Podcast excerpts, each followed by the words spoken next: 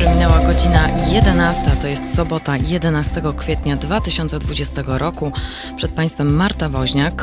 Porozmawiamy sobie dzisiaj o chińsko-rosyjskiej współpracy, ale też porozmawiamy sobie o tym, e, dlaczego nas, Polaków, e, nie interesuje, co się dzieje w innych krajach, w innych odległych zakątkach świata. Zresztą e, trochę mam wrażenie, że robię to co tydzień dla Państwa, żebyśmy wiedzieli jednak, co się dzieje, ale z czego to wynika? Moimi gośćmi będzie dzisiaj Łukasz Kules, Kolesa, analityk pism, Kulesa, przepraszam, analityk pism, e, a także e, Maciej Okraszewski z działu zagranicznego podcastu. Zapraszam.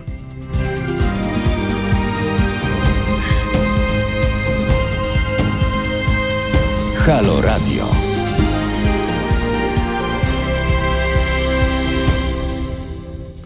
Mam jakieś takie e, problemy, problemy z nazwiskami od wczoraj. E, I gdy wysyłałam propozycję do Macieja Okraszewskiego, wpisałam go jako Maciej Kraszewski e, i zgubiłam O, natomiast U zamieniło mi się w O, jeżeli chodzi o naszego gościa Łukasza Kulesa, który już jest z nami na łączach. Czy tak? Halo, halo? Halo, halo, dzień dobry. Najważniejsze, że udało nam się połączyć. Tak, to jest akurat, to jest akurat najważniejsze, faktycznie. Proszę Państwa, moim Państwa gościem Łukasz Kulesa, zastępca kierowniczki Biura Badań i Analiz Polskiego Instytutu Spraw Międzynarodowych. E, który zajmuje się problematyką odstraszania, kontroli zbrojeń, nieproliferacji broni masowego rażenia, stosunków e, NATO i Rosji e, oraz relacji transatlantyckich. Analityk Polskiego Instytutu Spraw Międzynarodowych, no i jeden z autorów, a także z redaktorów raportu opublikowanego przez PISM o Rosji i Chinach względem Unii Europejskiej. To jest raport, który mogą sobie Państwo znaleźć z łatwością i bez problemu mm, w, na stronie pism, więc tam odsyłam. Redaktorami to akurat uważam, że to trzeba również zaznaczyć. Redaktorami Justyna Szczudlik i Łukasz Kulesa, nasz gość, a autorami Jakub Benedyczak, Agnieszka Legucka, Marcin Przychodniak, Marek Wąsiński, Łukasz Kulesa i Justyna Szczudlik. Ze mną i z Państwem Łukasz Kulesa. Natomiast Natomiast, y, panie Łukaszu, powiem, y, powiem jeszcze y, słowo dla naszych słuchaczy, że jeżeli mają jakieś pytania, to mogą śmiało się z nami kontaktować. E, mogą się Państwo z nami kontaktować klawiaturami, to znaczy czat na Facebooku, czat na YouTubie w transmisjach. E, mogą Państwo je znaleźć. E, mogą Państwo też wejść na naszą stronę internetową halo.radio. Tam również w posłuchaj, posłuchaj nas jest top chat akurat z YouTube'a dołączony, ale także mogą Państwo dzwonić śmiało, zawsze do tego zachęcam, 22 kierunkowy do Warszawy 39 050 5922. E, witam się z Państwem, co już widzę Państwo tłumnie i mam nadzieję, że mają Państwo pytania do naszego dzisiejszego gościa. Panie Łukaszu, Przyznam szczerze, że tytuł, y, tytuł Państwa raportu y, trochę mnie przeraził. Ja, ja, z zasady, ja z zasady jestem i sobie tak pomyślałam, tak pierwsze co mi się przypomina to oczywiście różnego rodzaju mm, wydarzenia historyczne i różnego rodzaju traktaty y, pisane cichaczem, no bo jednak współpraca rosyjsko-chińska chyba trochę groźnie brzmi. Mam nadzieję, że pan mnie uspokoi. Znaczy jestem z pewnością, jestem pewna, że pan, pan nas uspokoi i mnie, e, ale to mi tak trochę zabrzmiało jak takie tajne pakty międzywojennej Europy. Przede wszystkim e, bardzo dziękuję za e, zaproszenie w tą świąteczną e, sobotę. Mam nadzieję, że tak trochę Panią i słuchaczy uspokoję, a przede wszystkim będzie okazja, żeby porozmawiać, czym współpraca chińsko-rosyjska w tym momencie jest, a czy nie czym nie jest i jakie ma skutki e, dla e, Unii Europejskiej. Jeżeli ktoś by chciał się denerwować, no to patrząc do historii, mógłby pomyśleć również o osi Kiedyś była oś Berlin, Rzym, Japonia i jak wiadomo skończyło się to tragicznie. E, czy jest e, oś e, Moskwa, Pekin? To jest jedno z pytań, które my sobie zadajemy w tym raporcie. Warto też dodać, że, że raport jest dostępny w języku angielskim i jego angielski tytuł to jest How China and Russia could join forces against the European Union e, jest w języku angielskim, ale myślę, że dla słuchaczy Haloradia to, to nie będzie e, żadna przeszkoda, żeby się z nim zapoznać w całości, do, do czego zachęcam.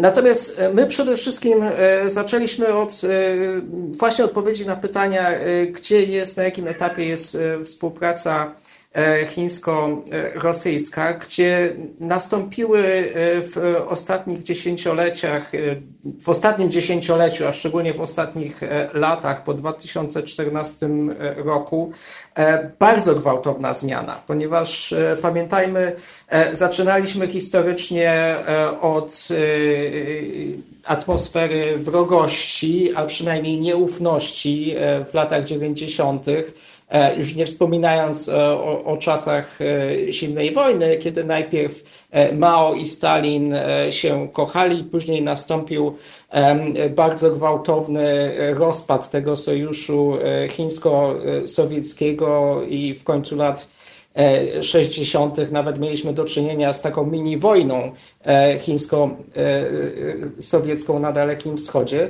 Także zaczęło się od e, nieufności, e, jeżeli nie wrogości.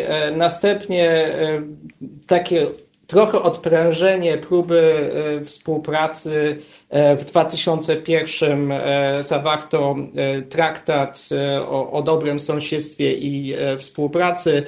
Później wreszcie uregulowano kwestie e, graniczne, ponad 4000 kilometrów wspólnej granicy e, rosyjsko-chińskim, e, a później nastąpiła szczególnie po stronie rosyjskiej taka strategiczna decyzja zwrotu na wschód i wejścia w dużo bliższą współpracę z Chinami, co strona chińska skwapliwie pod, podchwyciła.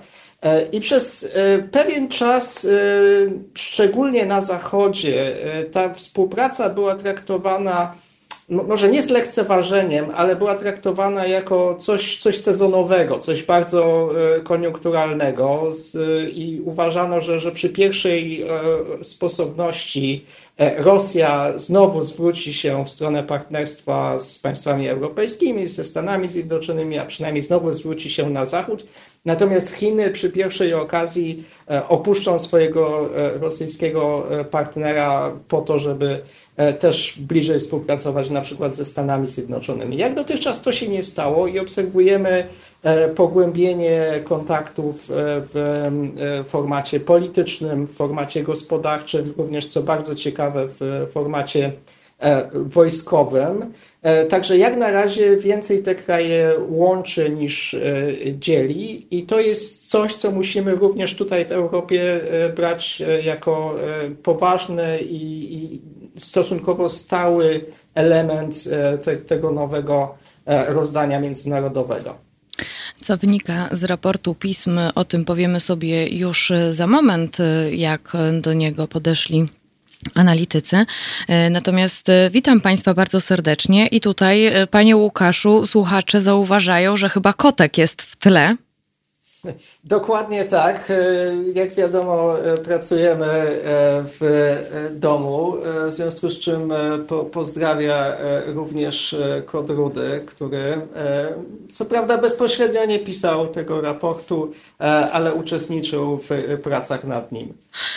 Y, no to cieszy nas, że miał Pan takiego pomocnika. Y, słyszymy się już za moment, natomiast proszę Państwa, koty kotami, ale my tutaj o poważnych sprawach dzisiaj, więc y, proszę pisać, proszę dzwonić. My słyszymy się już za moment.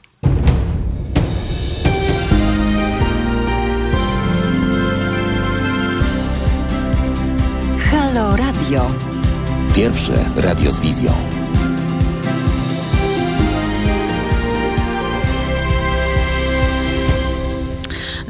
Nasz słuchacz, pan Łukasz, chce powiedzieć, że nasza nowa strona jest super i można słuchać muzyki i w ogóle jest ekstra. Panie Łukaszu, bardzo, bardzo dziękujemy za te słowa. Odsyłam Państwa, którzy nie wiedzą, że mamy nową już stronę, nowa jest odsłona, będą tam również nasze haloradiowe felietony, także proszę śledzić, proszę z nami być. Natomiast zostawiamy już kotki, bo widzę, że Państwo bardzo lubią kotki. Kot pomocnik nie mówi, za to mówi e, Łukasz Kulesa z Polskiego Instytutu Spraw Międzynarodowych. Rozmawiamy o współpracy chińsko-rosyjskiej e, i czy ona może e, w jakiś, jak ona wygląda względem Unii Europejskiej. Panie Łukaszu, proszę powiedzieć, bo tak, już przed chwilą, chwilę pan wyjaśnił, jak, jak wygląda, co możemy rozumieć pod tym pojęciem współpracy rosyjsko-chińskiej, ale z jakiegoś powodu państwo zdecydowali się podjąć akurat temat. Dlatego chciałam zapytać, na czym, dlaczego akurat e, współpraca polsko-rosyjsko-chińska? Mhm. E, Instytut e, zwykle ma ambicje, żeby wyjść poza, poza opis rzeczywistości i także zastanowić się, jak mogłyby wyglądać pewne przyszłe scenariusze, zarówno pozytywne, jak i, jak i negatywne. E, I e, dla nas e, bardzo intrygującym pytaniem było to, czy ta współpraca chińsko-rosyjska może w którymś momencie obrócić się bezpośrednio przeciwko Unii Europejskiej i jakby coś takiego wyglądało.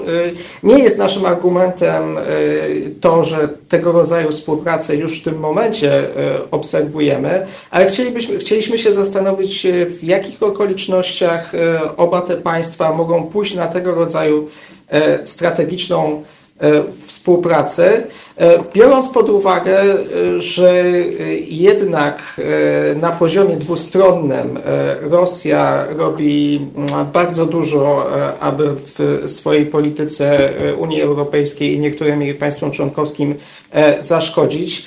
E, ze strony chińskiej e, również obserwujemy e, szereg takich bardzo ofensywnych działań dotyczących przejmowania infrastruktury krytycznej, ostatnio również działań propagandowo-informacyjnej. Więc dla nas naturalnym pytaniem było takie, czy ta współpraca może pójść o, o krok czy o dwa kroki dalej i jakby coś takiego wyglądało. Y, no to y, proszę w takim razie wyjaśnić. Y, przed chwilą Pan powiedział właśnie o takich ofensywnych działaniach ze strony Chin czy Rosji. To co to są za te ofensywne działania? Mhm. E, stosunkowo łatwiej jest w, w, przypadku e, Rosji, ponieważ e, ona jednak patrzy na Unię Europejską przez pryzmat rywalizacji w Europie o to, co, co Rosja uważa za strefy wpływów, czy, czy swoją strefę wpływów, w szczególności na obszarze wspólnego sąsiedztwa. Także e, kiedyś było tak, że dla Rosji problemem było NATO i rozszerzenie NATO, obecność Stanów Zjednoczonych w Europie, natomiast e, Unia Europejska była traktowana jako takie miłe, sympatyczna organizacja, z którą się handluje i której się sprzedaje głównie surowce. To się zmieniło. W tym momencie jest również ze strony rosyjskiej krytyka Unii Europejskiej, krytyka E, jej modelu, e, ponieważ jest on uważany za e, zagrożenie egzystencjalne dla modelu rosyjskiego. To znaczy, jeżeli charakteryzujemy system unijny jako demokratyczny i nastawiony na, na, na wolność jednostki, to w tym momencie jest to antyteza systemu rosyjskiego. W związku z tym ze strony rosyjskiej mamy do czynienia z próbami osłabienia Unii, podzielenia Unii i działania raczej z tymi państwami unijnymi, z którymi się dogaduje e, lepiej e, niż ze strony e, całej, całej Unii. Tyle jeżeli chodzi o Rosję. Jeżeli chodzi o Chiny, to jej stosunek Chin do Unii Europejskiej jest bardziej zniuansowany. E, dla Chin wciąż najważniejsze e, to jest to, że Unia Europejska to jest jej największy partner handlowy, e, to jest obszar, z którym można prowadzić biznes, w którym można prowadzić inwestycje, można pozyskiwać nowoczesne technologie, nowoczesne, nowoczesne systemy zarządzania. W związku z tym dla Chin najważniejsze jest to, że ma z kim E, prowadzić e, interesy. No, część na przykład chińskiego e, pomysłu tak zwanego pasa i szlaku Belt and Road chodzi o to, że chińskie produkty mają spływać do Europy jako jednego z, z, z odbiorców. W związku z tym nie jest zainteresowania na takim osłabieniem Unii Europejskiej, jakim jest zainteresowana w tym momencie E, Rosja. Natomiast oczywiście chciałaby Unii Europejskiej, która na przykład nie wtrąca się w wewnętrzne sprawy chińskie. E, a dla Chin wewnętrzną sprawą jest na przykład e, kwestia praw człowieka, polityki chińskiej wobec mniejszości. Czyli według Chin Unia Europejska ma po prostu być bytem handlowym, a nie politycznym. Ja sobie tak pomyślałam e, a propos właśnie Chin względem Unii Europejskiej, a właściwie względem e, Polski. No bo e, przecież może pan mnie poprawić. Niestety nie znam się na tym, ale odnoszę takie wrażenie, że jednak Chiny w jakiś sposób są dla nas przychylne i przyjazne. Wiele razy słyszy się o artystach, którzy wyjeżdżają, teatry wysyłają swoje spektakle.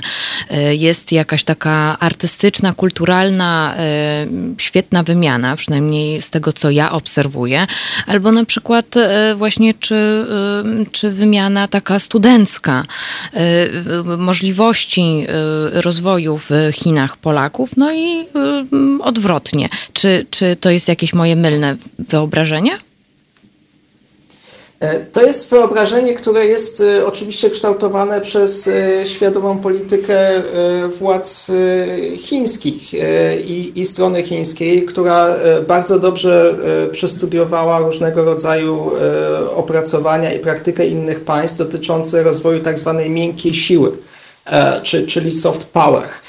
W związku z czym mamy rzeczywiście do czynienia z tego rodzaju pozytywnymi działaniami e, mamy do czynienia z otwieraniem e, instytutów e, Konfucjusza w różnych państwach. Mamy do czynienia ze wzrostem liczby turystów i promocją przez stronę chińską takiego wrażenia, że ta współpraca może się odbywać z pożytkiem dla wszystkich, że to jest kooperacja, na której korzysta e, każde ze stron. Oczywiście jest tam e, też mniej pozytywny wymiar, ponieważ jeżeli jakieś państwo czy jakiś podmiot narazi się Chińczykom, to Chińczycy potrafią bardzo szybko i bardzo zdecydowanie pokazać swoją, swój E, swój brak zadowolenia. E, ostatnio doświadczyła tego e, Praga i, i Czechy, którzy wzięli się za chińskie wpływy i, i, też chińską działalność informacyjną czy też dezinformacyjną w swoim kraju i nagle się okazało, że Praga została całkowicie odcięta od tego rodzaju e, kulturalnych wydarzeń, współpracy, e, wymiany. Także e, część tego takiego pozytywnego wizerunku Chin jest jak najbardziej celowo kierowana po to, żeby również tworzyć lepsze, lepsze lepszą glebę na, dla, dla chińskich inwestycji i dla e, rozwoju e, współpracy politycznej, czy kształtowania polityki poszczególnych państw zgodnie z chińskimi preferencjami. E, a proszę powiedzieć, e, wróćmy teraz do raportu. E, co właściwie wynika z raportu pism?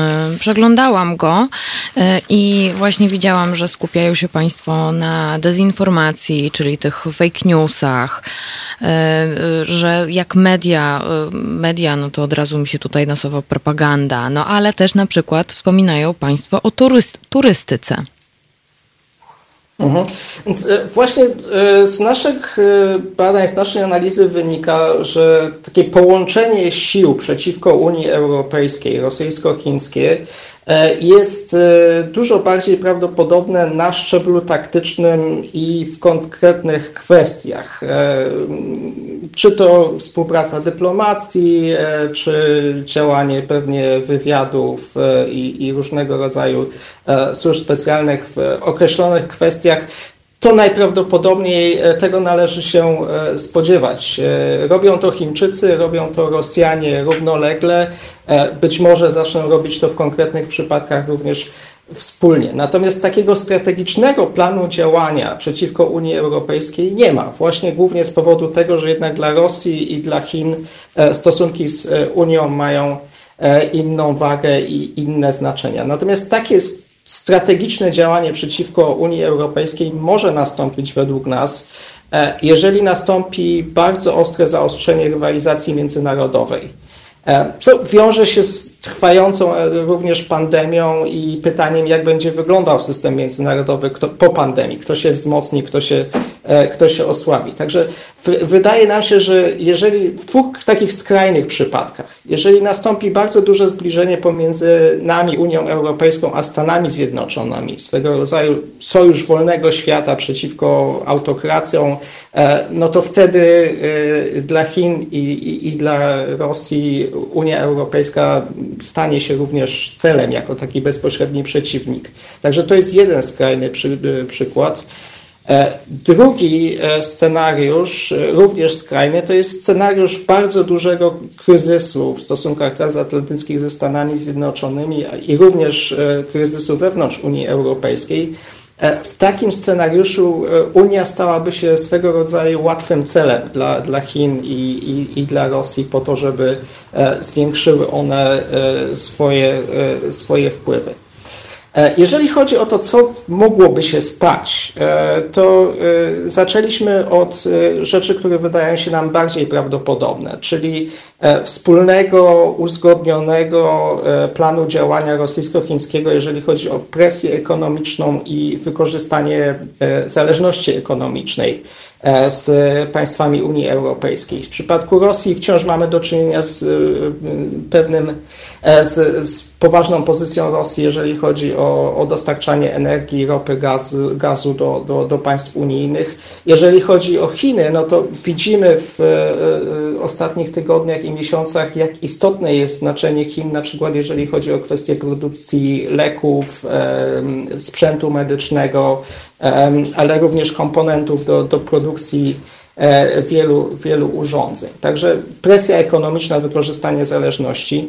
E, Drugi, drugie narzędzie e, to jest wspólne działanie, wspólne wpływanie na procesy decyzyjne w ramach Unii Europejskiej. Tu mówimy o, zarówno o lobbyingu, jak i o działaniach korupcyjnych, pielęgnowania stref grup wpływu, pielęgnowania przyjaznych partii politycznych, wspierania przyjaznych partii politycznych E, w e, Unii Europejskiej. I wreszcie o tym, o czym Pani mówiła, czyli e, przejścia od działań równoległych do skoordynowanych kampanii propagandowych, dezinformacyjnych. Tutaj zwracamy uwagę, że najprawdopodobniej to nie chodziłoby tylko o dezinformację, o fake news, o, o działanie negatywne, ale również chodziłoby o działanie pozytywne, to znaczy właśnie przedstawianie E, na przykład świetlanej przyszłości Europy e, we współpracy, która współpracuje z Rosją i z Chinami, a nie ze Stanami e, Zjednoczonymi. Tak jak powiedziałem, na razie tego nie obserwujemy, ale jeżeli byśmy popatrzyli na, na możliwe scenariusze w przyszłości, to, to tego rodzaju narzędzia wydają nam się możliwe do zastosowania przez oba te państwa. E, tutaj piszą również e, nasi słuchacze, e, pana imiennik, pan Łukasz, pisze tak. Dalej mam jakieś poczucie surrealistycznego zagrożenia z racji tej współpracy, ale przecież to jest chyba normalne i taka współpraca nie ma za zadanie zaszkodzić Unii Europejskiej. Rozumiem, że naszemu słuchaczowi chodzi o to, że różnego rodzaju umowy między państwami jest, są rzeczą naturalną akurat. Mhm.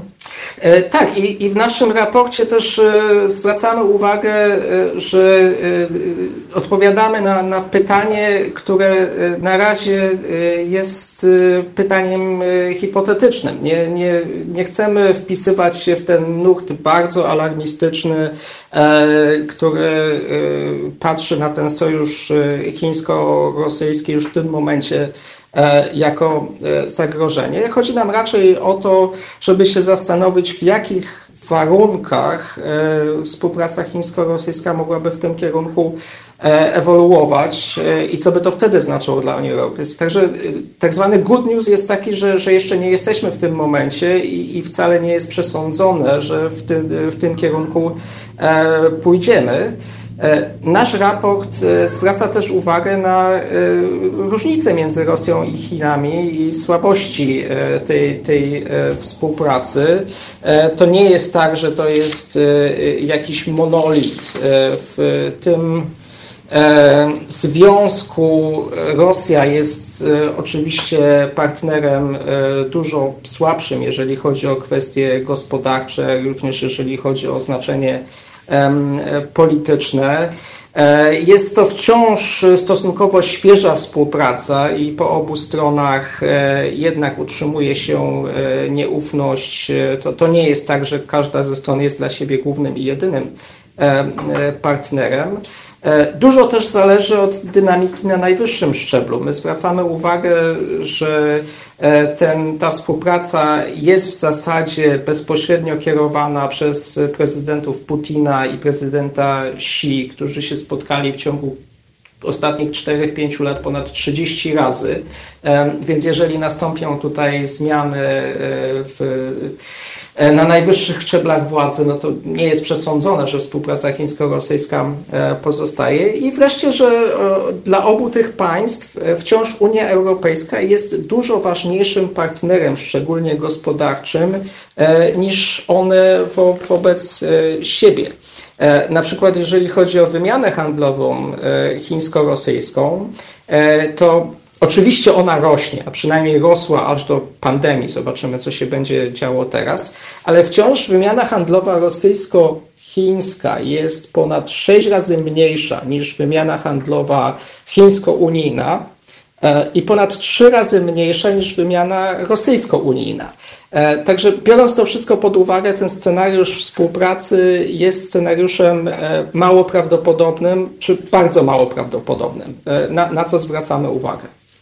E, tutaj jeden z naszych e, słuchaczy e, napisał, Zachód oddał cały przemysł oddał, mm, źle to jest sformułowane chyba zdanie, ale zakładam, że to tak powinno brzmieć.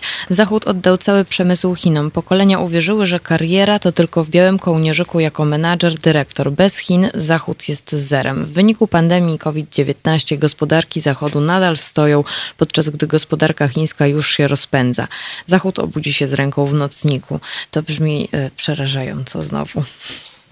E, tak, natomiast no, gospodarka globalna to jest wciąż system naczyń połączonych. E, tak jak wspomniałem, e, największym partnerem gospodarczym dla Chin jest obszar Unii Europejskiej. Zatem jeżeli Unia Europejska nic nie znaczy, to dlaczego wciąż tyle sprzedaje i kupuje od, od Chińczyków? Także to jest jednak chyba trochę bardziej E, skomplikowane. Natomiast e, zgadzam się z e, myślą słuchacza, tak jak ja ją rozumiem, czyli że ten kryzys zmusi nas do przemyślenia dotychczasowego modelu w współpracy.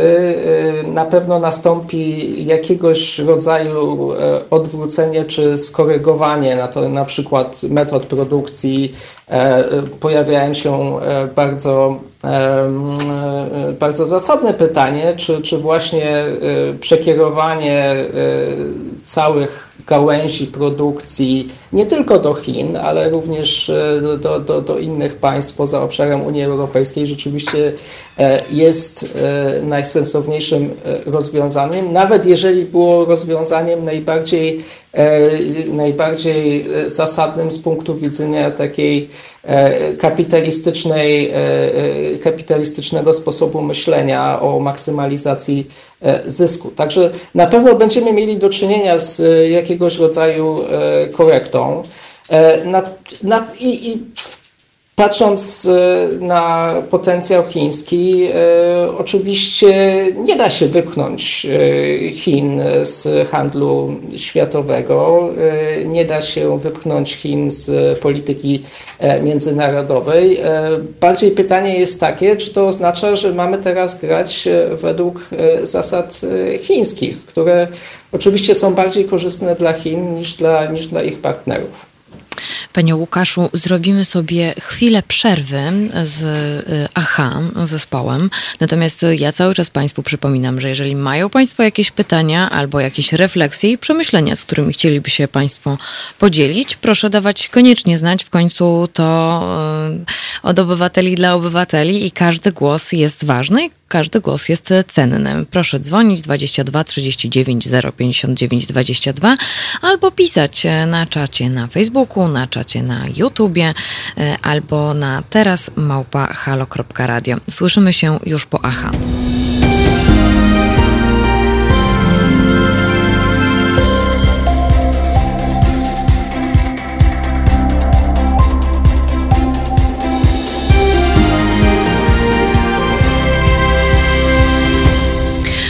Zauważyli Państwo, bo dlaczego mieliby Państwo nie zauważyć, że tutaj w przerwie rozmawiałam z panem Łukaszem, musiałam pójść za konsoletę do Królestwa realizatorki Asi, żeby porozmawiać, jak skończymy sobie rozmowę o współpracy rosyjsko-chińskiej. Państwo wiedzą, że kontaktujemy się z naszymi gośćmi przez naszą taką specjalną aplikację, która pozwala. No i chciałam Państwu podziękować za, za to, że dołączyli się Państwo do naszego zrzutki urodzinowej w związku z zakupieniem tego sprzętu, bo e, jest on akurat e, potrzebny nam w pracy i temu, i dlatego, żeby dostarczyć Państwu e, bardzo fajne, bardzo cenne i ważne audycje, a także, żeby Państwo się również włączali. W końcu jesteśmy medium obywatelskim i bardzo dziękujemy za Państwa wsparcie i prosimy o przekazywanie informacji o nas dalej swoim znajomym, bliskim.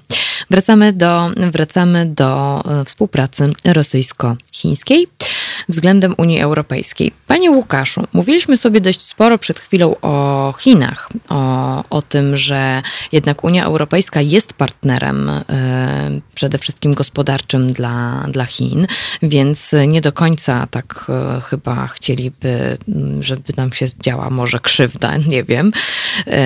Natomiast jak wygląda sytuacja z Rosją? Czy jest jakiś aspekt, jakiś taki, jest jakaś taka strefa Unii Europejskiej, którą Unia daje Rosji, ale nie, dadzą, nie, dają jej tego, nie dają jej tego Chiny? Mhm. Znaczy, przede wszystkim z dosyć oczywistych względów e, historycznych, e, geograficznych, strategicznych, e, Rosja jest mocarstwem euro azjatyckim, a nie azjatycko-europejskim. E, a jak się e, trochę poskrobie i, i, w szczególności porozmawia z przedstawicielami rosyjskiej elity, no to oni uważają się za mocarstwo europejskie i e, dużo chętniej wysyłają i swoje dzieci, i swoje pieniądze do Londynu, Berlina albo jakichś miłych, sympatycznych państw na południu Europy niż do Pekinu czy, czy Szanghaju. Także e, o ile w stosunkach z Chinami Rosja jest tym mocarstwem mniejszym i, i tym partnerem e, młodszym, czy też młodszym bratem, no to w stosunku do Unii Europejskiej e, i do państw europejskich ma ambicje współdecydowania. o, o sprawach europejskich. Jeżeli chodzi o konkrety, no to wciąż na poziomie gospodarczym to jest głównym, czy jesteśmy głównym partnerem dla Rosji, niezależnie od sankcji i kontrsankcji, czyli wpływy do rosyjskiego budżetu, inwestycje bezpośrednie w rosyjskie firmy, handel, pozyskiwanie nowych technologii. Rosja stara się zdywersyfikować swoje kierunki handlu, stara się również pozyskiwać na przykład nowe technologie E, z Chin, ale idzie to opornie. Także wciąż Unia Europejska i poszczególne państwa europejskie e, są e, uważane za, za, za główne źródło zarówno wpływów budżetowych, jak i inwestycji, które są Rosji potrzebne. Natomiast oczywiście Rosja chciałaby, żeby to wszystko odbywało się według jej zasad, czyli ręce precz od, od naszego systemu, ręce precz od tego obszaru, który my uważamy za obszar e, naszego wpływu, czyli również od, od Ukrainy, e, Białorusi, Kaukazu e, Południowego, co z naszego punktu widzenia, a przynajmniej z mojego punktu widzenia jest nie do przyjęcia. Tutaj jeden z naszych słuchaczy na początku właściwie naszej audycji wpisał, ale myślę, że to jest akurat dobry moment, żeby, żeby, żeby przytoczyć jego słowa. Pan Mirek napisał, mm, właściwie pyta, jak rozwijacka polityka Polski w Unii Europejskiej pomaga umocnić pozycję Chin i Rosji na świecie? To tak e, zawsze myślimy sobie o tym, że to ktoś inny, tak ja sobie teraz myślę, że ktoś inny jest zły, że to oni są dla nas niedobrzy, ale my też pewnie mamy jakieś swoje, e, swoje za uszami, które też powoduje, że jesteśmy dobrym polem do mm, nie wiem, do wykorzystania, więc e, jak mógłby Pan to skomentować?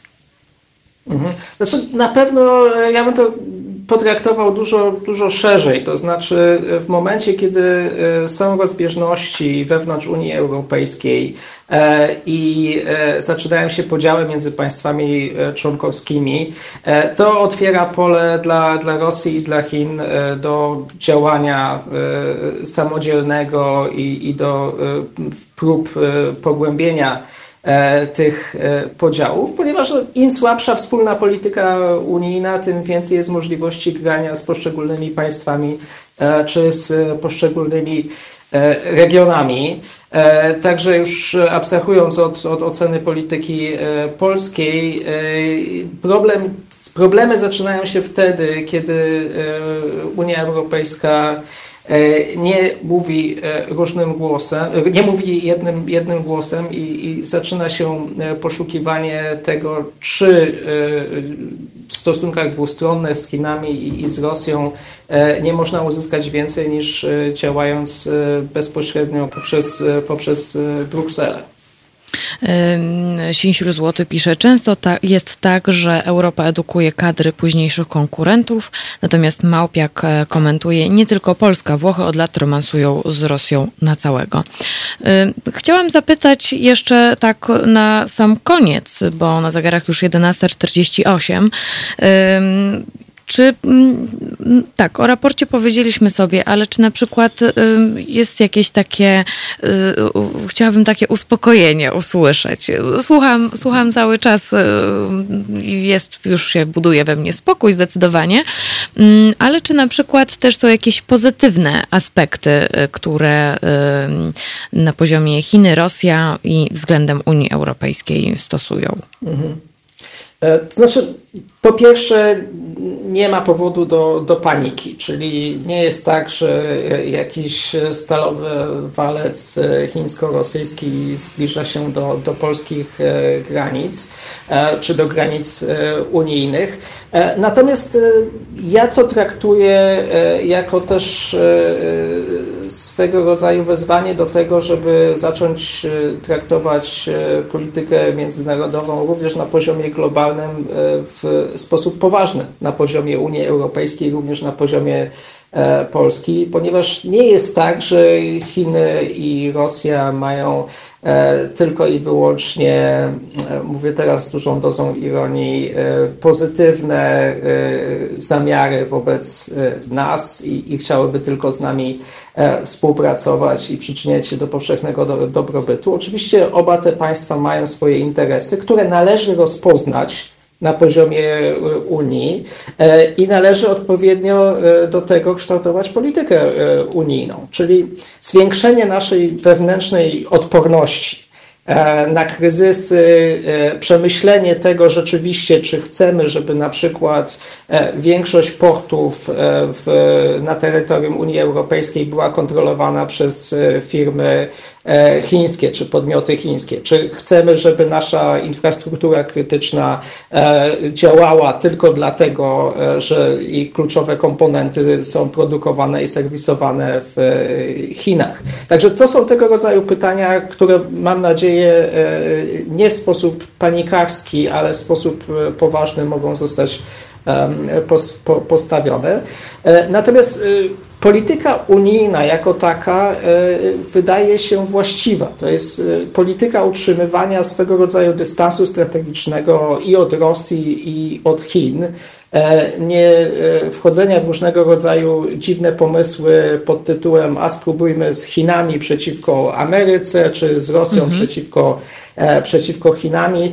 E, nie, e, dystans strategiczny Unia Europejska, nawet jeżeli teraz sytuacja jest poważna i mówi się o największym kryzysie Unii Europejskiej od początku jej istnienia, to wciąż jest potężna siła w stosunkach międzynarodowych, nie siła, nie siła militarna, ale siła gospodarcza i siła normatywna. Nie zapominajmy o naszych wartościach, nie zapominajmy o naszej promocji demokracji, praw człowieka, e, nawet jeżeli wewnętrznie wygląda to różnie w państwach Unii Europejskiej, ale to jest wciąż e, bardzo e, duża wartość, którą w konfrontacji z systemami autorytarnymi, takimi jak rosyjski czy chiński, możemy użyć. Panie Łukaszu, bardzo dziękuję, że zgodził się Pan nam o tym wszystkim powiedzieć i przejść, bo dużo rzeczy jest po prostu pod znakiem zapytania. Ja Państwa odsyłam z kolei do, e, na stronę pism, e, żeby sobie zerknąć w ten raport. Raport jest w języku angielskim e, i można też się dowiedzieć różnych ciekawych rzeczy. Nie tylko jest to analiza, ale też jest zbiór wielu informacji, które ja na przykład myśląc, nie, myśl, nie, nie myślałam o turystyce akurat chińsko-rosyjskiej, ale to też jest na przykład uwzględnione. Więc odsyłam Państwa tam. Panie Łukaszu, bardzo dziękuję.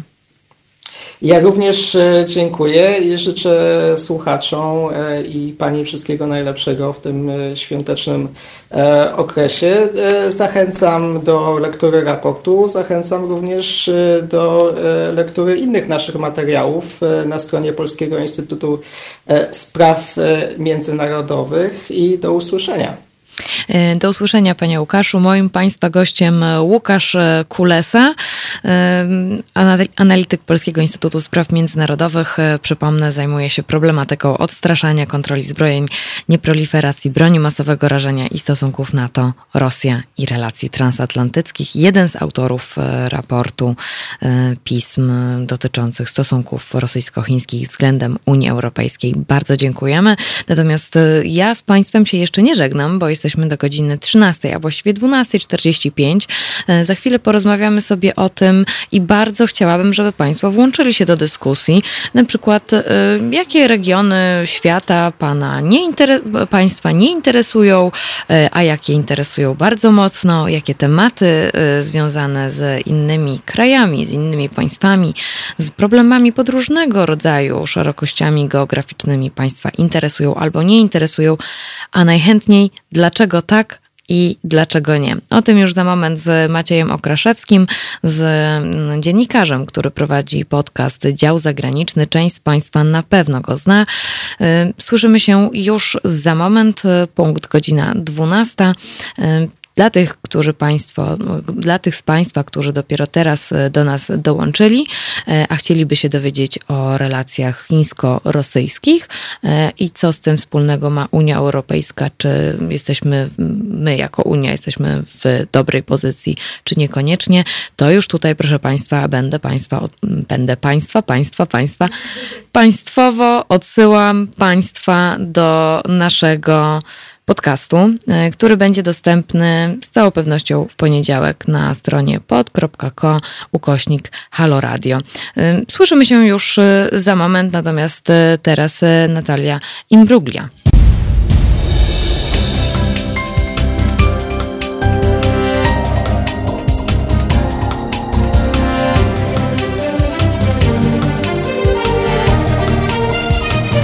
Halo Tak się składa, że y, nie zawsze potrafię powiedzieć dobrze y, nazwę piosenki albo autora, ale pan Michał jest czujny. Pan Michał mówi, że y, Natalia im, jako, co napisał pan Michał? Imbrulia. Tak, Imbrulia. Tak, Imbrulia, Natalia. E, natomiast e, Maciek, który już jest ze mną na łączach, również zwrócił uwagę na tę wspaniałą pieśń, którą no, ona swoje hity swoje, była hitem lata temu. Czy Lenary, Lenary? Tak, Lenary przygotowane? Tak, już mam na sobie. Świetnie. Proszę Państwa, moim i Państwa gościem jest Maciej Okraszewski, dziennikarz, e, który, którego mogą Państwo również znać, a wiem, że Państwo znają z podcastu Dział Zagraniczny, który opowiada o tym, Maciek opowiada, zaprasza różnego rodzaju e, osoby, dziennikarzy, specjalistów, e, którzy opowiadają o najodleglejszych zakątkach świata, które nas nie interesują, więc akurat tak do 12.45 jesteśmy w temacie, co Polaków nie interesuje, dlaczego i z czego to wynika. Y, ale Maćku, zacznijmy od tego, co się właściwie wydarzyło w tym tygodniu. No, mnóstwo różnych rzeczy się wydarzyło poza koronawirusowych. Zdarzyły się oczywiście rzeczy złe, bo przemoc były ciężkie walki, e, między innymi pomiędzy dwoma kartelami narkotykowymi w Meksyku, a konkretnie w stanie Chihuahua, pomiędzy kartelem z Sinaloa i kartelem z Juarez, chociaż to już nie jest ten kartel z Juarez, który można kojarzyć sprzed lat, ale powiedzmy, że to jest pozostałość tego kartelu. Były też walki w regionie Sahelu, który jest e, najniebezpieczniejszym regionem świata, jeżeli chodzi o działania zbrojne. E, w tej chwili na świecie zginęło kilkudziesięciu żołnierzy. Zresztą nie jest to jakaś wyjątkowa sytuacja, bo tam non-stop e, w walkach z różnymi frakcjami zbrojnymi giną ludzie. Były też starcia zbrojne w Kaszmirze, gdzie z kolei zginął jeden żołnierz indyjski i kilku bojowników. Mm, jest też oczywiście cyklon, który przeszedł nad, nad regionem Pacyfiku i niestety spustoszył wiele tamtejszych krajów, między innymi Vanuatu albo Tonga. E, na Vanuatu dwie główne wyspy. Na Tonga zrównał z ziemią mnóstwo budynków, więc tragiczna sytuacja dla mieszkańców tego regionu. No a z rzeczy takich e, w dalszym ciągu może nie pozytywnych, ale, ale, ale nie mających związku z wojną czy katastrofami naturalnymi, to sąd w Singapurze wypowiedział się, Sąd Najwyższy, że jednak e, prawo kryminalizujące seks, dobrowolny również seks pomiędzy dwoma mężczyznami jest zgodne z konstytucją i nie ma prawa do jego delegalizacji. George Pell, czyli najwyższy rangą katolicki duchowny na świecie, skazany za pedofilię, został w Australii z kolei przez tamtejszy, tamtejszy Sąd Najwyższy uniewinniony. Jest to decyzja ostateczna, od której nie będzie apelacji, w związku z czym po roku wyszedł z więzienia i resztę życia spędzi w jakimś zakonie australijskim. I dobra wiadomość. No właśnie, coś, coś pozytywnego. tak, zakończę dobrym akcentem. Seszele stworzyły rezerwat morski, który jest wielkości półtora raza Polski. W związku z czym będzie na Oceanie Indyjskim taką przestrzenią, w której między innymi żółwie, rekiny oraz inne e, zwierzęta e, żyjące w tym oceanie będą się mogły schronić, bo na tym obszarze będzie zabroniona całkowita działalność ludzka, również łowienie ryb. Hmm. Mam takie poczucie, że e, od mniej więcej miesiąca mamy, no, no, tak, no, pandemia jest, pandemia istnieje, y, musimy się stosować do różnego rodzaju rzeczy, ale y, obostrzeń, przepisów, bezpieczeństwa. No ale przecież, y, jak sam teraz nam powiedziałeś, dzieje się strasznie dużo rzeczy w różnego rodzaju zakątkach świata. E, jak myślisz, dlaczego te informacje nie pojawiają się e, na portalach internet, internetowych?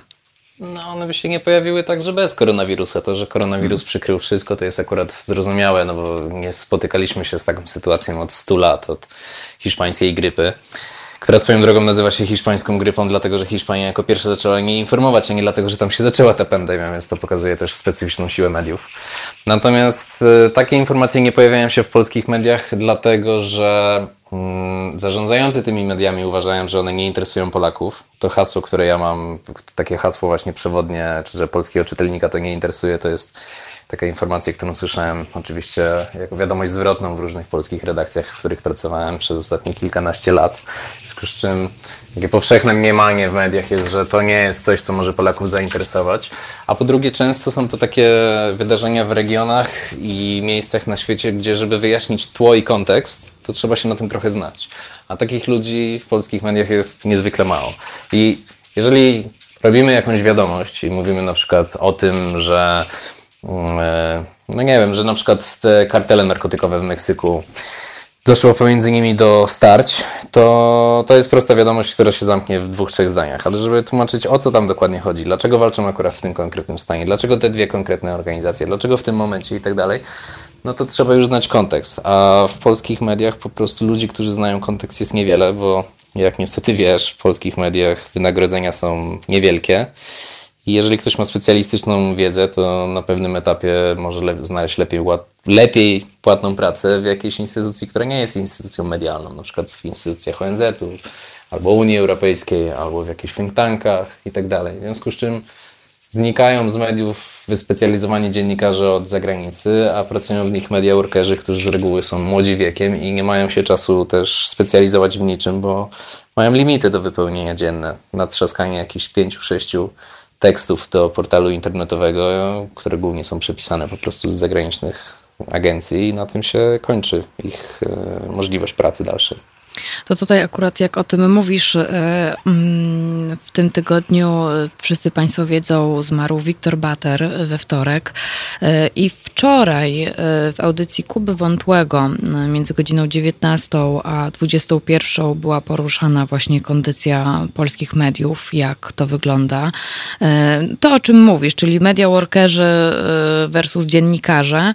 Mhm. Natomiast jeszcze Państwa odsyłam do kolejnych dwóch godzin z wczorajszego wieczora, czyli do audycji Radka Grucy, który wspominał e, pracę i kim był e, Wiktor Bater. E, odsyłam, bo to akurat dla nas ważne. Wiktor tutaj w naszym haloradiowym studiu patrzy na nas czujnym okiem, więc odsyłam. Ale tak, Wiktor Bater akurat był tym, który... Wiktor, Wiktor Bater akurat był tym dziennikarzem, który o świecie wiedział dużo, o Rosji wiedział sporo, wschód go zawsze interesował. E, no i nie ma już takich. E, są naprawdę w zdecydowanej mniejszości. To trudno nawet znaleźć takiego dziennikarza. Ja mogę się podzielić akurat e, swoim doświadczeniem. Pamiętam, pamiętam że jakiś czas temu, no da, bardziej dawniej, dobierając tematy do, do audycji, czy dobierając tematy w swojej redakcji, to zawsze się zastanawiam, czy to w ogóle kogoś interesuje i obchodzi. Kiedyś usłyszałam takie, no ale przecież w Afganistanie Przecież ludzie nawet nie wiedzą, gdzie to jest. I sobie pomyślałam, no ale jak to ludzie nie wiedzą? No i to też mnie tak trochę zrównało, bo pomyślałam sobie, no tak, no to, że ja wiem, to znaczy, że ktoś inny może nie wiedzieć, no ale przecież od tego jestem, żeby powiedzieć, że, że Afganistan jest w tym i tym miejscu. Afganistan to akurat chyba wszyscy wiemy, no ale nie można tak zakładać. Co ty myślisz? O, myślę, że, myślę, że część osób może faktycznie nie wiedzieć, gdzie jest Afganistan, dlatego jak ja na przykład na Instagramie robię takie codzienne Insta Stories z wiadomościami ze świata, to na wszelki wypadek zawsze rzucam mapkę, bo paradoksalnie dużo osób nie potrafi na mapie wskazać jakiegoś miejsca, nawet jeżeli coś tam o nim wie. Natomiast y, to, o czym mówisz, to jest faktycznie, to jest, ja też to samo słyszałem o Afganistanie kiedyś przy jednej okazji od pewnego trzykrotnego dziennikarza roku. E, zdobywcy Grand Press, który też e, miał taką, takie zdanie, że, że w Afganistanie na przykład rzecz dotyczyła właśnie tego, że Afgańczycy oglądają afgańskiego idola i on twierdził, że w Afganistanie przecież nie mają telewizorów. To było jakimś kompletnym absurdem. Natomiast zmierzam do tego, że jak mówimy o tym, że polskiego czytelnika, tak, ale tu oczywiście nie chodzi tylko o czytelnika, o słuchacza, o widza i tak dalej, coś nie interesuje, albo on nie wie, gdzie to jest i tak dalej, to jeżeli mówi tak ktoś pracujący w medium tabloidowym powiedzmy, albo rozrywkowym, tak, e, no to jest to jeszcze zrozumiałe, bo kieruje się do specyficznej publiki, właśnie może nie do specyficznej, do jak najszerszej. I jeżeli kierujemy się do jak najszerszej publiki, no to wiadomo, że wtedy najlepszymi tematami klikalnymi to są sport, to są celebryci, to są jakieś takie tematy, które mogą złapać największą grupę odbiorców. Natomiast jeżeli mamy tak zwane media ambitne, a chyba o tych mówimy, jeżeli chcemy publikować coś o Afganistanie, no to odbiorca takiego medium nie jest idiotą i z grubsza orientuje się, co się dzieje na świecie i pewnie by z ciekawości chciał tę wiedzę pogłębić. Moim zdaniem twierdzenie, że kogoś to nie zainteresuje bez wcześniejszego w ogóle sprawdzenia, czy może zainteresuje, jest kompletnie błędne. I takie są też moje doświadczenia. Ja na przykład ten dział zagraniczny, który robię, w tym roku będzie już 10 lat, jak go robię. Ja zaczynałem od takiego bloga pisanego dla paru znajomych z branży, tak, w ramach frustracji. Natomiast od jakiegoś czasu prowadzę właśnie podcast, o którym wspomniałaś i też ten Instagram i tak dalej. E, I mam kilkadziesiąt tysięcy słuchaczy, którzy są osobami, które często nie wiedzą właśnie na przykład, e, co się dzieje w Afganistanie czy gdziekolwiek indziej, ale bardzo ich to interesuje. To nie są specjaliści, którzy siedzą w tym temacie, to nie są studenci, chociaż takie osoby też się trafiają, bo, bo piszą do mnie osoby, które znają się na, na krajach i na tematach, które podejmuję w, właśnie na przykład w swoim podcaście i i piszą na przykład z jakimiś dodatkowymi ciekawostkami, ale przytłaczająca większość tych ludzi. Ja ci nawet kiedyś wysłałam mają... ciekawostkę. Tak, pamiętam, pamiętam. Natomiast to są osoby, które po prostu są ciekawe świata i jest ich mnóstwo. Jeżeli ja bez żadnej reklamy, kompletnie żadnej, i drogą taką naprawdę y, od samego spodu jestem w stanie am am amatorskimi siłami z audycją nagrywaną w kuchni dotrzeć do kilkudziesięciu tysięcy osób, no to profesjonalne medium z ugruntowaną już pozycją od tam x lat, 20 na przykład, tym bardziej. Dlatego ja uważam, że te wszystkie wymówki też y, biorą się z powodów takich, że po prostu zajmowanie się za granicą jest też kosztowne, bo żeby dobrze się zajmować za granicą, no to trzeba tam po prostu czasami pojechać, tak? Jeżeli przywoływałaś na przykład Wiktora Botera, on spędził lata na wschodzie i on znał na miejscu ludzi, znał, znał y, rozwój sytuacji i tak dalej i nie da się napisać dobrych rzeczy albo opowiedzieć dobrych rzeczy po prostu z zabiórka w Warszawie czy, czy, czy gdziekolwiek indziej. Trzeba trochę poświęcić w to, żeby się przygotować do takiego, do takiego do, do, takiej wiedzy specjalistycznej. Natomiast ponieważ jest to kosztowne, to media wolą na tym oszczędzać, wolą stawiać na rzeczy łatwiej też klikalne i łatwiej zajawione. No i też nie ukrywajmy, że jednak w mediach ważniejszym od redaktora pracownikiem jest e, szef działu reklamy, no bo media się utrzymują do reklam. I jeżeli też historia jest na przykład w jakiś sposób dołująca, tak jak zapytałeś mnie, co się w tym tygodniu stało na świecie, ja zacząłem od tych wszystkich ciężkich tematów, e, a z reguły się o świecie mówi ze względu na ciężkie tematy, bo moim zdaniem dlatego się mówi o takich rzeczach, bo one są odstępstwem od normy, bo normą powinno być dla nas to, że jest wszystko ok. Jak jest odstępstwo od normy, no to się o tym mówi. No to reklamodawcy niekoniecznie chcą się reklamować przy na przykład obrzezaniu dziewczynek w Afryce Zachodniej.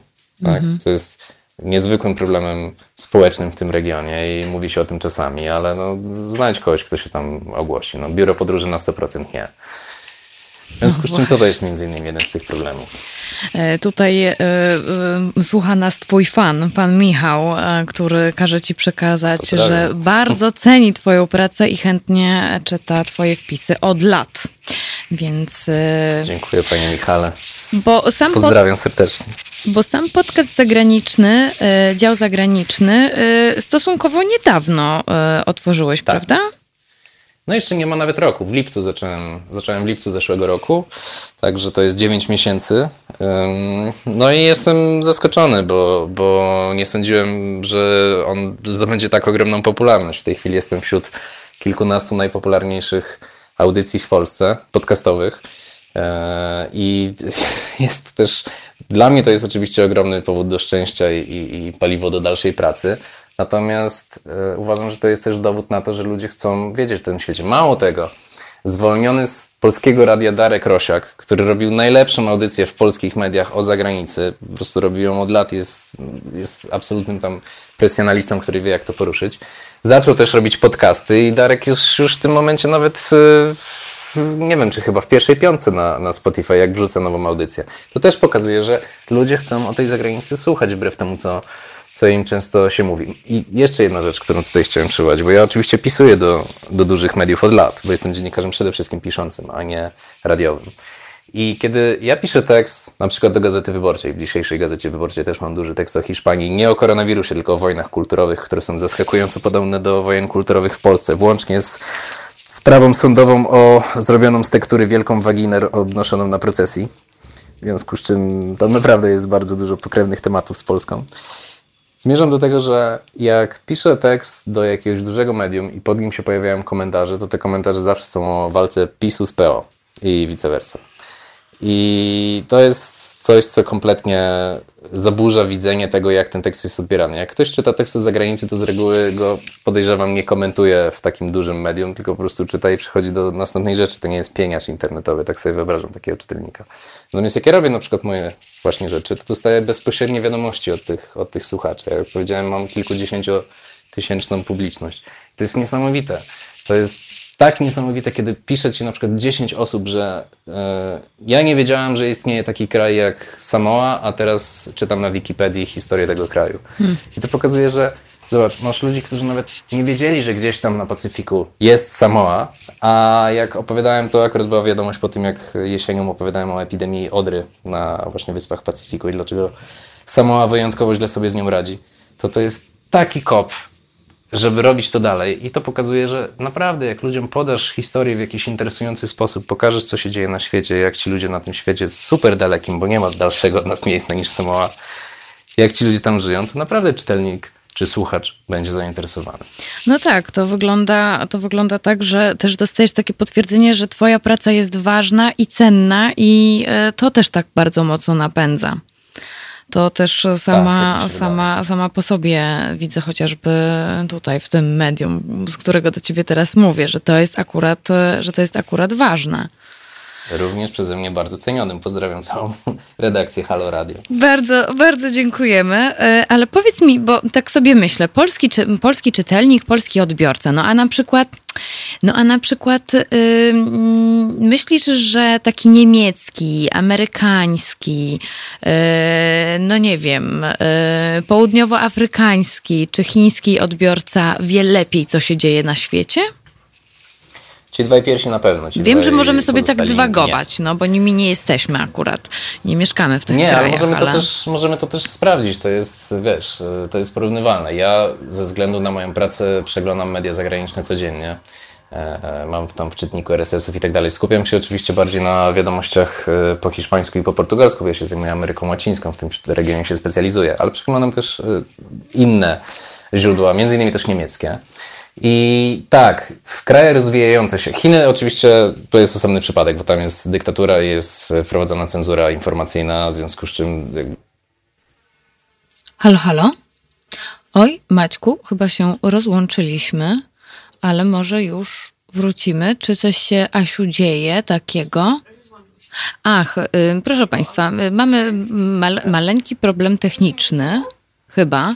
Y, tak, tak, ja słyszę. O, halo.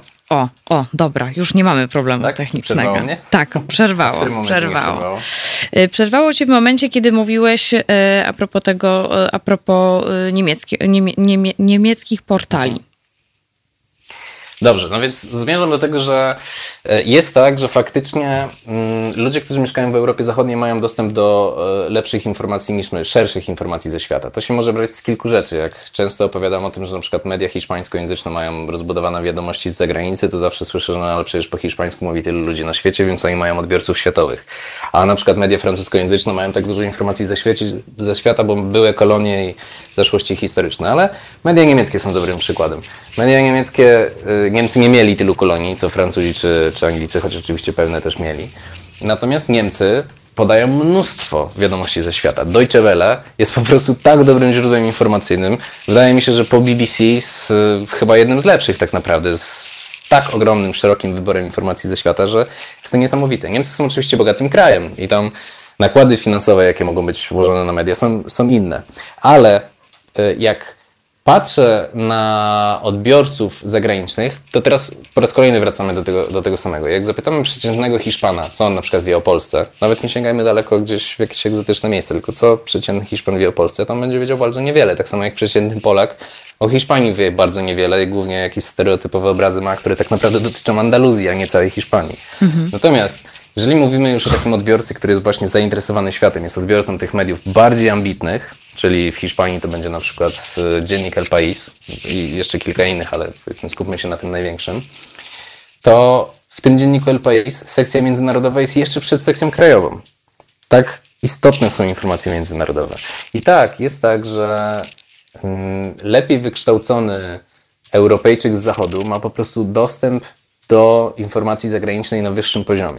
To, że ja na przykład robię dział zagraniczny, też wynika z tego, że mam taką, tak uważam, że jesteśmy jednym z tych większych krajów europejskich i powinniśmy mieć dostęp do informacji zagranicznych w języku polskim, bo mieszkając w Warszawie, interesując się też zagranicą i tak dalej, studiując, może nam się wydawać, że wszyscy znają przynajmniej angielski i mogą sięgnąć do BBC. To jest nieprawda ludzi, którzy mówią po angielsku, już, już pomijam inne języki, bo oczywiście jak znamy też niemiecki, hiszpański, francuski i tak dalej, to otwiera się morze informacji, którego po angiel- której po angielsku po prostu nie ma, albo jest w skróconej wersji. Ale skupmy się tylko na tym angielskim.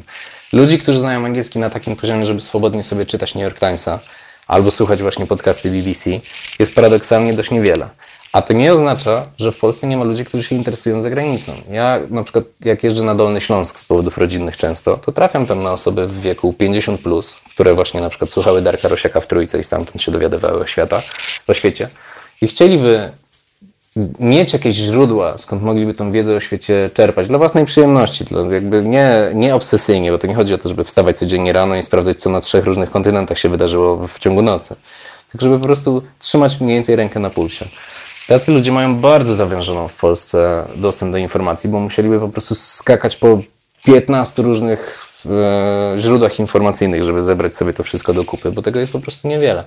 I dlatego uważam, że jesteśmy mocno za, zapóźnieni w stosunku do wiedzy.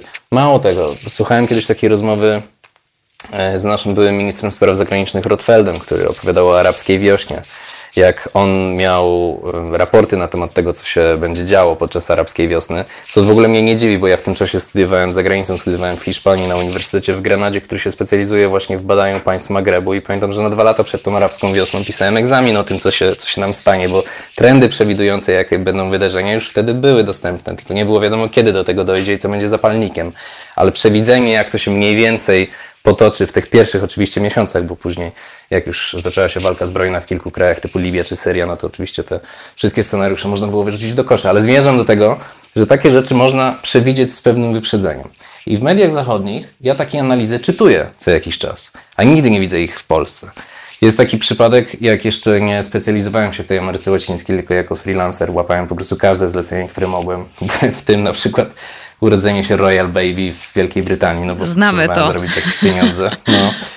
To pamiętam taką sytuację, że już z mediów zagranicznych, szczególnie francuskojęzycznych, wiedziałem, że będzie interwencja zbrojna Francji w Mali. Ze względu na zagrożenie dla europejskich też interesów w tym regionie. To, od czego zaczęła, zaczęła się nasza dzisiejsza rozmowa, czyli region Sahelu. Francuzi są tam obecni do tej pory jako właśnie taka największa zagraniczna siła wojskowa i bez nich by tam było jeszcze gorzej. Ale wtedy ich nie było. Ja kilka razy zgłaszałem taki pomysł, żeby napisać o tym, co się dzieje na Sahelu i dlaczego prawdopodobnie w ciągu kilku najbliższych tygodni Francuzi wejdą zbrojnie do Mali. I słyszałem cały czas to, co, co powtarzamy tu sobie bez przerwy, czyli że polskiego czytelnika to nie interesuje. W pewnym momencie Francuzi do tego Mali weszli i dostałem cztery różne propozycje, żeby o tym napisać.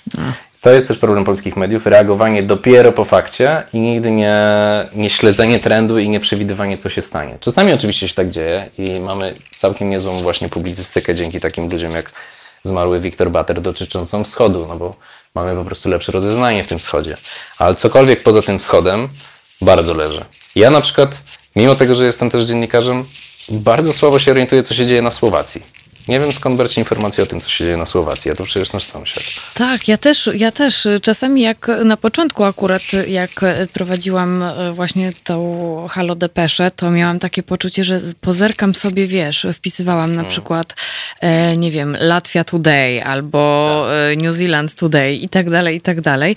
No i wynajdywałam jakieś takie, ale sobie myślę, kurczę, wiesz, no informacyjnie, informacyjnie, ale jeżeli są jakieś takie grubsze sytuacje, zjawiska, społeczne, polityczne, no to nie jestem w stanie w ogóle nic na ten temat, na ten temat powiedzieć, a znaleźć w polskich mediach kompletnie. I wiesz, i tak patrzyłam na mapę i sobie szukałam, które państwo tutaj wziąć do sprawdzenia, do dołączenia news albo e, today, y, żeby, żeby to po prostu znaleźć chociażby w Google, tak? To, to tak, było tak, dla dokładnie. mnie takie dość, e, dość ten. Tutaj nasi słuchacze piszą, e, o, Julek bardzo, bardzo zabawnie i dowcipnie e, skomentował Samoę. Samoa. Poznałem mając 6 lat, jak dziadek kazał mi na globusie odszukać wyspę na Samoa. Więc takie jest wspomnienie.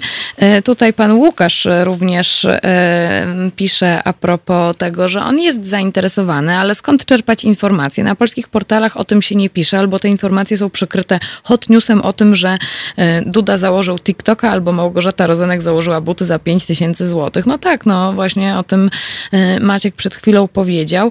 E, natomiast Julek jeszcze zauważa, że tak, racja, ludzie wiedzą, co się dzieje w Brazylii, a nie interesują się, co wprowadza ich własna gmina. To też jest takie dość przerażające, ale tutaj widzę, że nasi słuchacze są bardzo zainteresowani i jeszcze przytoczę jeden komentarz pani Marii.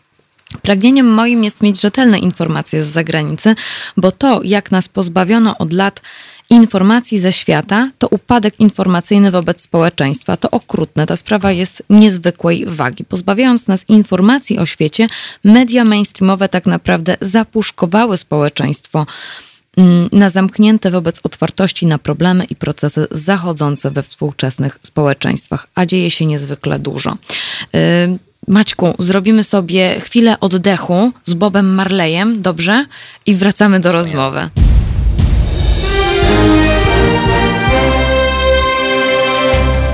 Halo Radio.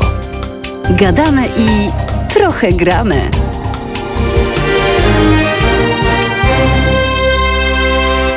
Wracamy do rozmowy z Maciejem Okraszewskim, dziennikarzem, ale także autorem podcastu Dział Zagraniczny i bloga pod tym samym tytułem.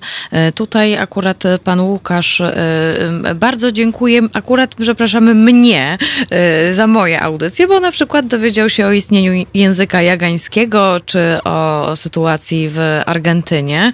Tu akurat mówiłam o reżimie i nie chcę tutaj się poklepywać po pleckach, że wow, wow, wow, wow, wow. Uważam, że są różnego rodzaju obowiązki dziennikarskie, które należy wypełniać, jak się mm, funkcjonuje w tym zawodzie.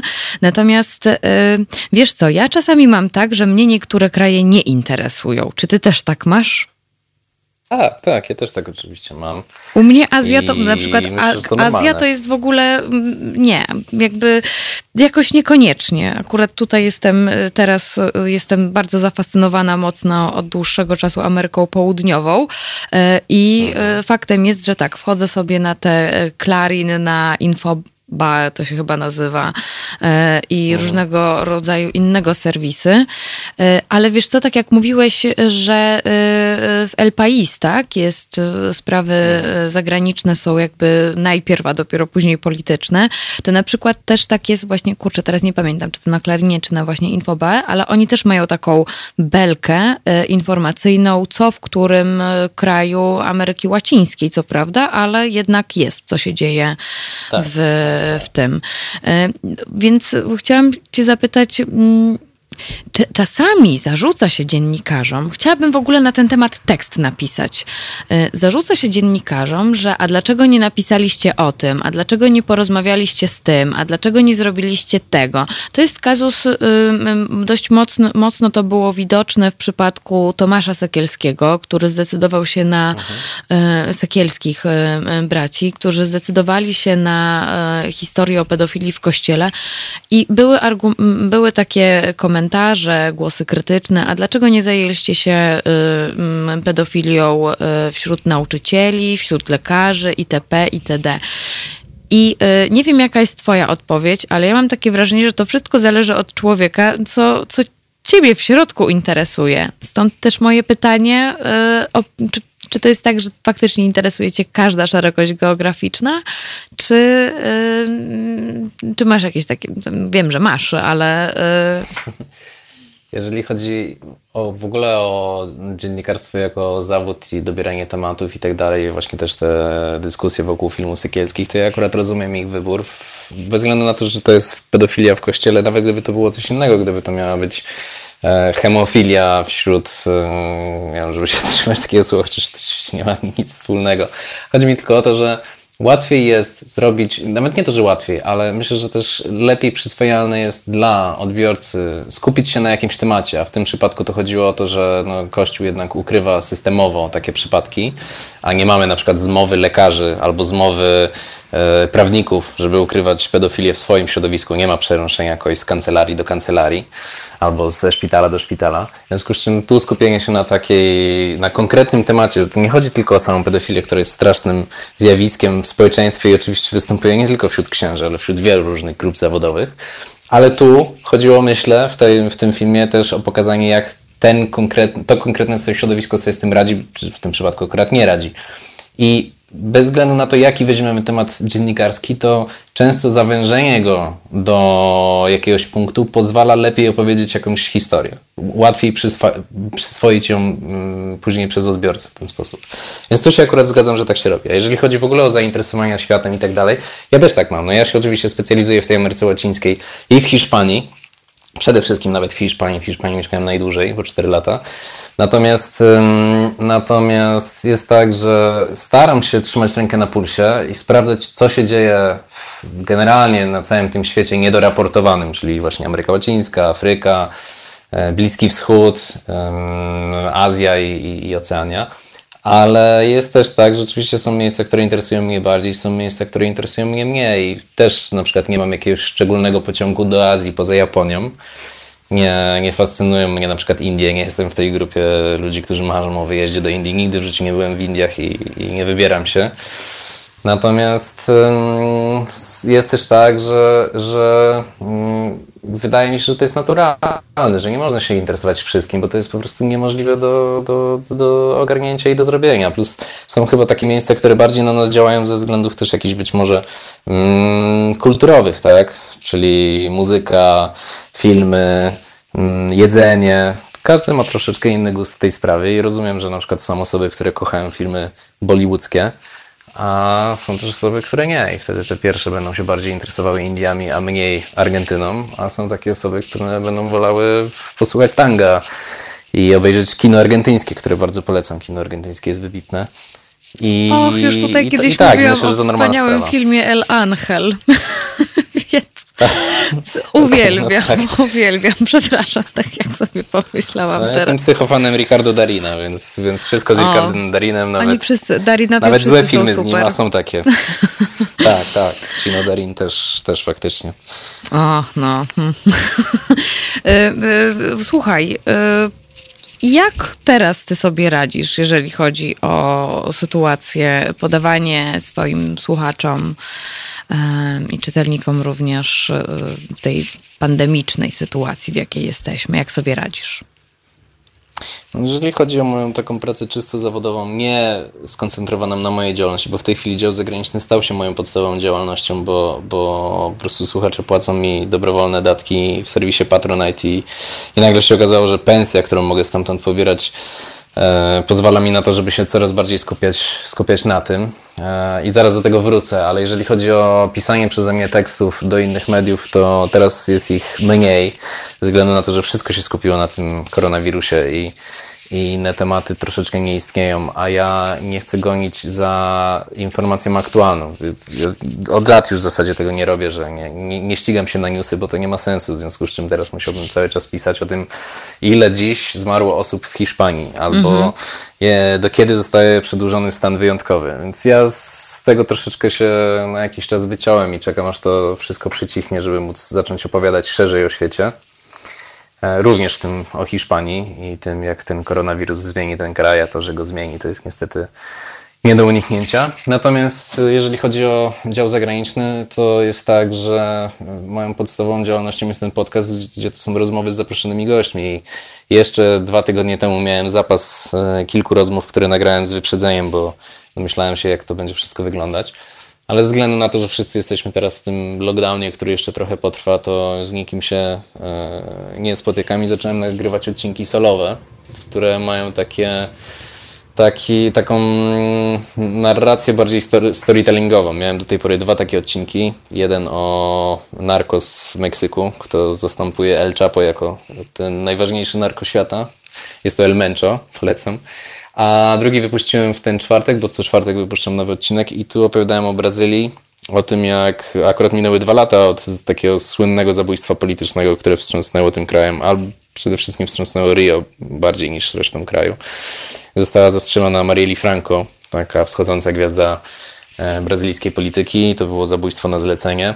I to, że ona się stała ofiarą to był, był taki symboliczny, to było symboliczne uderzenie w mniejszości brazylijskiej. Chciałem opowiedzieć, co ta jej śmierć o tej współczesnej Brazylii nam mówi. W związku z czym to jest takie nagranie, gdzie na podstawie różnych mm, odcieni, e, z którymi Marieli się identyfikowała, różnych, różnych grup, które reprezentowała, co, jak, jak, ta, jak ta dzisiejsza Brazylia się do nich odnosi. I, I myślę, że to się sprawdza, bo mam bardzo pozytywny odbiór od, od, słuchaczy, chociaż chciałbym jak najszybciej wrócić do wywiadów, bo po prostu taka forma moim zdaniem się najlepiej sprawdza. Tym bardziej, że um, tu muszę się skupiać na tematach latynoskich, no bo na nich się znam, mhm. a w wywiadach mogę zapraszać gości, którzy znają się na miejscach, na których ja się nie znam i po prostu mogę im zaufać, że przybliżą słuchaczom um, tematy, których ja nie byłbym w stanie. Musimy sobie z tym jakoś poradzić. Bardzo się cieszę, że zgodziłeś się e, na rozmowę. Myślę, że ona jest bardzo cenna. Tylko chciałam jeszcze przeczytać jeden komentarz. E, jestem też z Dolnego Śląska, jestem 50 plus i mam zamiar uczyć się języka hiszpańskiego, żeby dowiedzieć się czegoś więcej o świecie. Pozdrawiam serdecznie. Myślę, że to jest świetny akcent e, na zakończenie naszego dzisiejszego programu. Tak, bardzo mnie to cieszy i, i bardzo dopinguję i ściskam kciuki, bo jest to też piękny język. E, dziękuję Ci bardzo, Maćku. Moim i Państwa gościem Maciej Okraszewski, e, dziennikarz e, z podcastu, z bloga Dział Zagraniczny. My słyszymy się z kolei już za tydzień między godziną 11 a 13, no chyba, że porankowo w piątek. Natomiast ja się z Państwem już żegnam. Bardzo dziękuję za te dwie godziny i do usłyszenia. Marta Woźniak.